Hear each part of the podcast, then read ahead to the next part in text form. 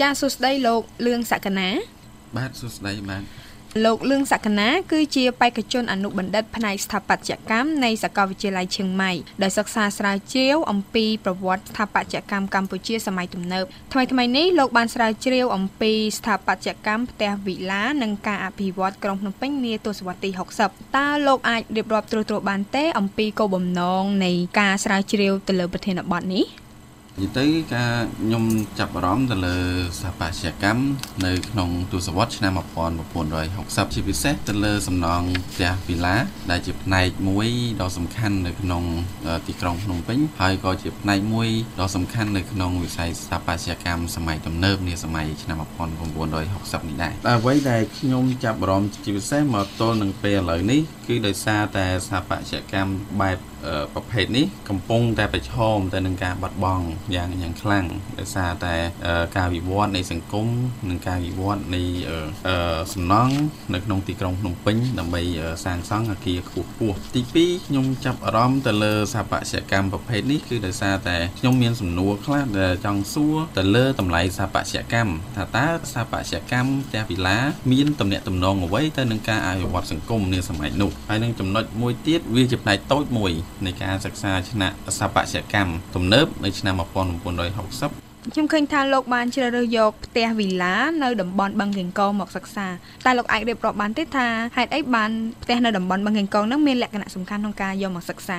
នៅក្នុងតំបន់បឹងកេងកងគឺជាតំបន់ដ៏ពិសេសមួយប្រចាំទីក្រុងភ្នំពេញបើសិនជាយើងមើលពីបច្ចុប្បន្នយើងឃើញថាបឹងកេងកងគឺជាតំបន់ដែលមានការអភិវឌ្ឍខ្លាំងមែនទែន តែជាតំបន់ដែលមានគាខ្ពស់ខ្ពស់ឬក៏អ្នកដែលរស់នៅទីនោះគឺជាប្រជាជនដែលមានលក្ខណៈស៊ីវិល័យមែនទែន ចឹងក៏វាអាចឆ្លោះបញ្ចាំងទៅលើការរៀបចំក្រុងឬក៏ទីតាំងដ៏សំខាន់របស់បឹងកេងកងនៅក្នុងការរៀបចំក្រុងតែម្ដងបើសិនជាយើងពិនិត្យទៅលើការរីកចម្រើនរបស់ទីក្រុងភ្នំពេញចាប់តាំងពីឆ្នាំដែលបារាំងធ្វើការអភិវឌ្ឍពី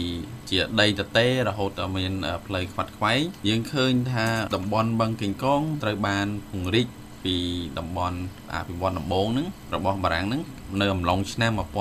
1930ហើយនៅពេលនោះបារាំងបានធ្វើការអភិវឌ្ឍជាលក្ខណៈមានផ្លូវខ្វាត់ខ្វែងរួចទៅហើយនៅក្នុងតំបន់នេះហើយបន្តមករហូតដល់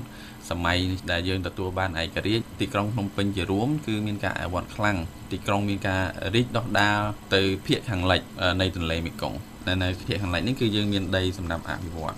ហើយបើសិនជាយើងមើល លំអិតទៅលើការអភិវឌ្ឍនៅក្នុងទីក្រុងភ្នំពេញតែម្ដងក៏យើងឃើញថាវាមានសំណង់សំខាន់សំខាន់ដែលនៅជុំវិញតំបន់បឹងកេងកង ដែលធ្វើឲ្យបឹងកេងកងក្លាយជាតំបន់ស្នូលកណ្ដាលដែល មានលក្ខណៈប្រសើរសម្រាប់ការរស់នៅរបស់អភិជនឬក៏ក្រុមគ្រួសារមន្ត្រីជាន់ខ្ពស់ដែលធ្វើឲ្យពួកគាត់ងាយស្រួលក្នុងការរស់នៅក៏ដូចជាតំណាក់តំណងជាមួយនឹងតំបន់សំខាន់សំខាន់នៅក្នុងទីក្រុងផងដែរហើយតំបន់សំខាន់សំខាន់ដែលនៅក្នុងទីក្រុងដែលខ្ញុំបានលើកយកមកនិយាយនេះគឺមានដូចជាតំបន់ Stade Olympic ដែលជាតំបន់កីឡាហើយនិងតំបន់សួនច្បារវិមានឯករាជ្យជាតំបន់លំហែកាយ ឬនឹងតំបន់អភិវឌ្ឍបាសាក់ដែលជាតំបន់អភិវឌ្ឍថ្មីហើយក៏ជាតំបន់ដែលមានសកម្មភាពវប្បធម៌វប្បធម៌នយោបាយនៅតំបន់នេះច្រើនហើយនៅភាគខាងត្បូងនៃតំបន់បឹងកេងកងហ្នឹងមានបរិយារដ្ឋចំការមនដែលជាតំបន់នយោបាយ ដូច្នេះបើសិនយើងគិតអំពីទំនាក់ទំនងរវាងបឹងកេងកងហើយនិងតំបន់តូចៗប៉ុន្តែសំខាន់នៅក្នុងទីក្រុងនេះយើងឃើញថាបឹងកេងកងពិតជាទីតាំងល្អមែនទែនសម្រាប់ការរស់នៅនាសម័យនោះ នៅក្នុងការស្រាវជ្រាវរបស់លោកតើអ្វីជាចំណុចពិសេសតាមរយៈលទ្ធផលនៃការស្រាវជ្រាវរបស់លោកតាមរយៈការស្រាវជ្រាវរបស់ខ្ញុំហ្នឹងគឺខ្ញុំចាប់អារម្មណ៍ខ្លាំងទៅលើការតុបតែងស្ថាបត្យកម្មឬក៏ style ដែលមានលក្ខណៈស្រដៀងគ្នាទៅនឹងការតុបតែងស្ថាបត្យកម្មនៃសំណង់ធំធំអ្វីដែលខ្ញុំឃើញដែលមានលក្ខណៈស្រដៀងគ្នាច្រើននេះក៏មានលក្ខណៈទំនាក់ទំនងរវាងស្ថាបត្យកម្មបែបផ្ទះវិឡាឬក៏យើងអាចនិយាយបានម្យ៉ាងទៀតគឺគេហៅថាស្ថាបត្យកម្មបែបឯកជនហើយយើងសំដៅទៅលើស្ថាបត្យកម្មធំធំដែល design ឬក៏រចនាដោយស្ថាបត្យករល្បីល្បីហ្នឹងគឺយើងសំដៅទៅលើស្ថាបត្យកម្មរបស់រដ្ឋអញ្ចឹងសួរថាតើមានតំណែងតំណងបែបណាខ្លះរវាងតំណែងតំណងទាំងពីរប្រភេទហ្នឹងហអ្វីដែលខ្ញុំចាប់អារម្មណ៍ជាងគេគឺទៅលើ architectural element ដែលជាផ្នែកតូចតូចនៃការតុបតែងលម្អផ្ទះហ្នឹងដូចជាឧទាហរណ៍ថាការប្រើដំបូលដែលមានលក្ខណៈរលក ឬក៏អក្សរ V ឬក៏ភាសាអង់គ្លេសគេហៅថា zigzag shape ដែលមានការពេញនិយមខ្លាំងនៅក្នុងការ design ផ្ទះ villa ជាពិសេសគឺការប្រើប្រាស់បេតុង ដែលបេតុងគឺជាសម្ភារៈថ្មី វាវាមិនថ្មីទាំងស្រុងទេប៉ុន្តែគឺជាគេហៅថា modern material សម្រាប់ការសាងសង់សំណង់ គឺដោយសារតែពេលនោះអឺបេតុងគឺមានការប្រើប្រាស់យ៉ាងទូលំទូលាយសម្រាប់កសាងទីក្រុងក៏ដូចជាការកសាងសំណង់ធំធំហើយមានការប្រើប្រាស់ទូលំទូលាយនៅក្នុងការសាងសង់សំណង់ឯកជនផងដែរដោយសារតែពេលនោះជាងក៏ចាប់ដើមមានរោងចក្រស៊ីម៉ងត៍រួចទៅហើយនៅនៅក្នុង ខេត្តកំពតហើយក៏យើងមានគណនេគមគ្រប់គ្រាន់ដែលអាចដឹកផលិតផលស៊ីម៉ងចូលមកក្នុងទីក្រុងដូចជាហេដ្ឋារចនាសម្ព័ន្ធដែលមានដូចជាកំពង់ផែក្រុងប្រសេនុហើយនឹងផ្លូវ highway ពីទីក្រុងសេនុមកទីក្រុងភ្នំពេញឬនឹងរទេះភ្លើងផងដែរអញ្ចឹងយើងអាចមានហេដ្ឋារចនាសម្ព័ន្ធគ្រប់គ្រាន់ដឹកសម្ភារៈសំណង់សំខាន់សំខាន់យកមកគ្រប់គ្រងនៅក្នុងទីក្រុងដែលធ្វើឲ្យការប្រើប្រាស់សម្ភារៈបានទូលំទូលាយជាពិសេសអ្វីដែលសំខាន់ក្នុងការគិតគូរអំពីការតុបតែងឬក៏ការរចនាស្ថាបត្យកម្មគឺការគិតគូរទៅលើផាសុកភាពរបស់អ្នកប្រើប្រាស់ដែលសំខាន់បំផុតនេះគឺធាតុពន្លឺហើយនឹងខ្យល់ ពីព្រោះថាបើសិនជាយើងពិនិត្យមើលទៅលើស្ថាបត្យកម្មធំធំដែល design ក៏រចនាដោយស្ថាបត្យកម្មបីៗដូចជាលោកតាវ៉ាន់ម៉ូលីវ៉ាន់គឺមានការផ្ដោតខ្លាំងទៅលើការប្រើប្រាស់ខ្យល់លំហូរខ្យល់ការឲ្យមានពន្លឺគ្រប់គ្រាន់ ហើយនឹងសីតុណ្ហភាពនៅក្នុងអាគារដែលមានការគិតគូរខ្លាំងមែនទែននៅក្នុងស្ថាបត្យកម្មធំធំហើយបើសិនជាយើងកលេចមើលទៅលើស្ថាបត្យកម្មឯកជនខ្ញុំគិតថាវាមានលក្ខណៈបែបនេះច្រើនដោយសារស្ថាបត្យកម្មផ្ទះវិឡាគឺមានបង្អួចច្រើនជាផ្ទះស្ថាបត្យកម្មដែលនៅក្នុងដីឡូ ដូចចេះគាត់មានលទ្ធភាពបើកបង្អួចសងខាងហើយនៅខាងមុខគាត់មានវេរ៉ង់ដាធំហើយក៏មានទ្វារនៅខាងមុខដែលមើលទៅមានលក្ខណៈស្រឡះយើងអាចដឹងថាពេលដែលយើងចូលទៅយើងអាចមានអារម្មណ៍ត្រជាក់ហើយនឹងមានខ្យល់ចេញចូលល្អ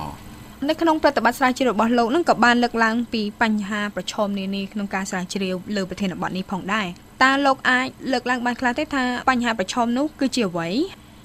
ជាការពិតនៅក្នុងការស្រាវជ្រាវនេះគឺមានការលំបាកខ្លាំងដោយសារតែប្រធានបទឬក៏អ្វីដែលខ្ញុំកំពុងសិក្សាហ្នឹងគឺជាកម្មសិទ្ធិរបស់ឯកជន ដែលយើងមិនមែន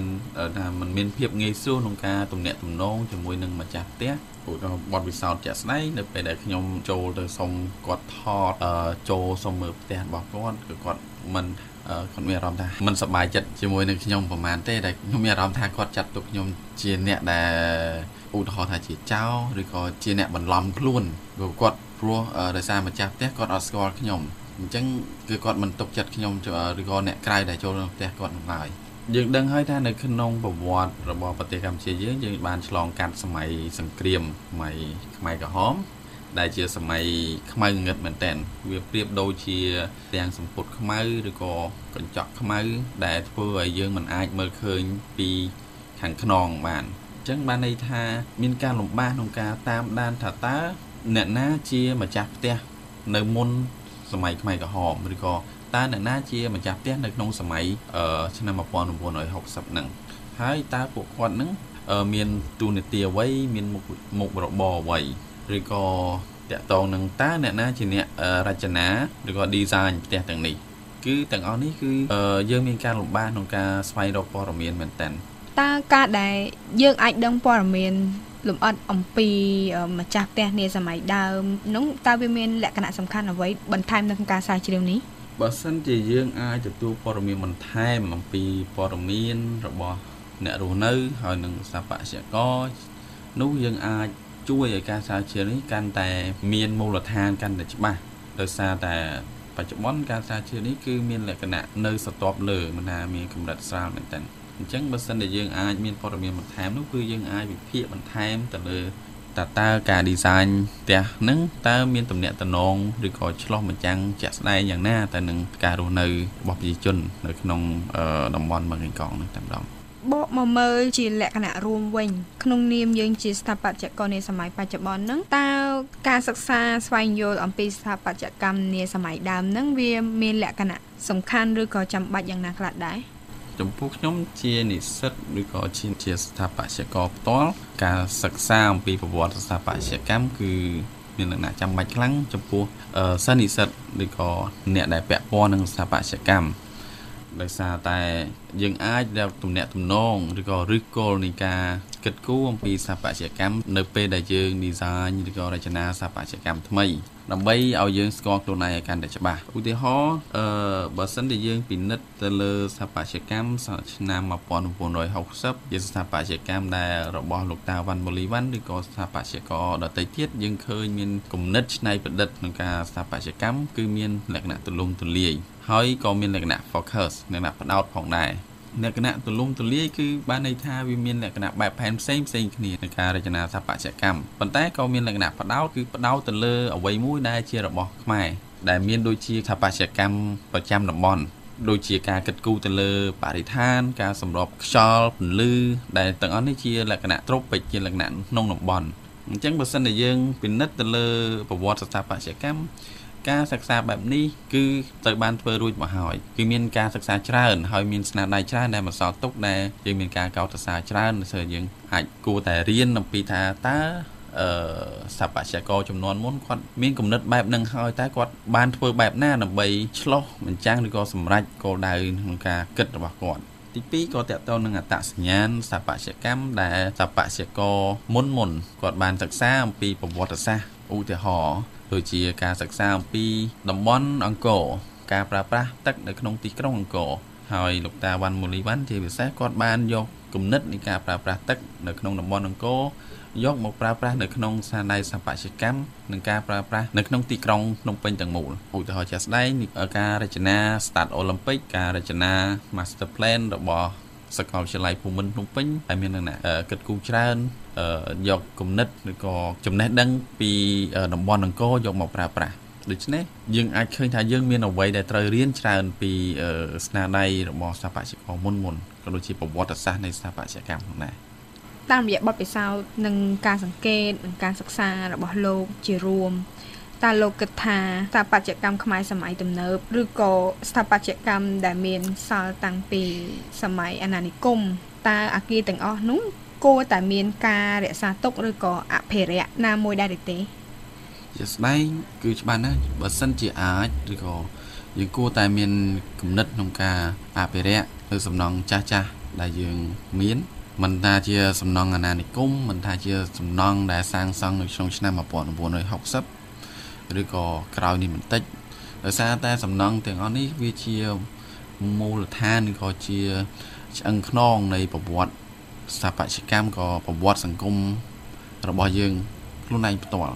ដូច្នេះបើសិនជាអាចគួរតែព្យាយាមឬក៏មានកម្មវិធីណាមួយដើម្បីជួយជាលក្ខណៈអភិរក្សឬក៏ជួយទៅដល់អ្នកដែលចាស់ នៅឋានដែលគាត់មានបំណងចង់អភិរក្សពីព្រោះថាបើសិនជាយើងគ្រាន់តែចង់ហ្នឹងគឺគ្រាន់តែជាសង្គមដែលចង់ប៉ុន្តែអត្ថប្រយោជន៍ផ្ទាល់បានទៅដល់សង្គមប៉ុន្តែម្ចាស់ផ្ទះគឺគាត់អត់សូវមានប្រយោជន៍អញ្ចឹងក៏គាត់មានការលំបាកក្នុងការចង់អភិរក្សចឹងយើងគួរតែមានកម្មវិធីណាមួយដែលជួយទៅដល់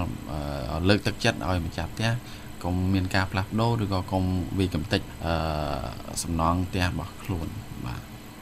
ចាអឺសូមអរគុណលោកលឿងសក្ខណាដែលជាបេក្ខជនអនុបណ្ឌិតផ្នែកស្ថាបត្យកម្មនៃសាកលវិទ្យាល័យឈៀងម៉ៃដែលបានផ្ដល់បទសម្ភាសន៍ដល់ VOA ចាសូមជម្រាបលាបាទសូមជម្រាបលាបាទ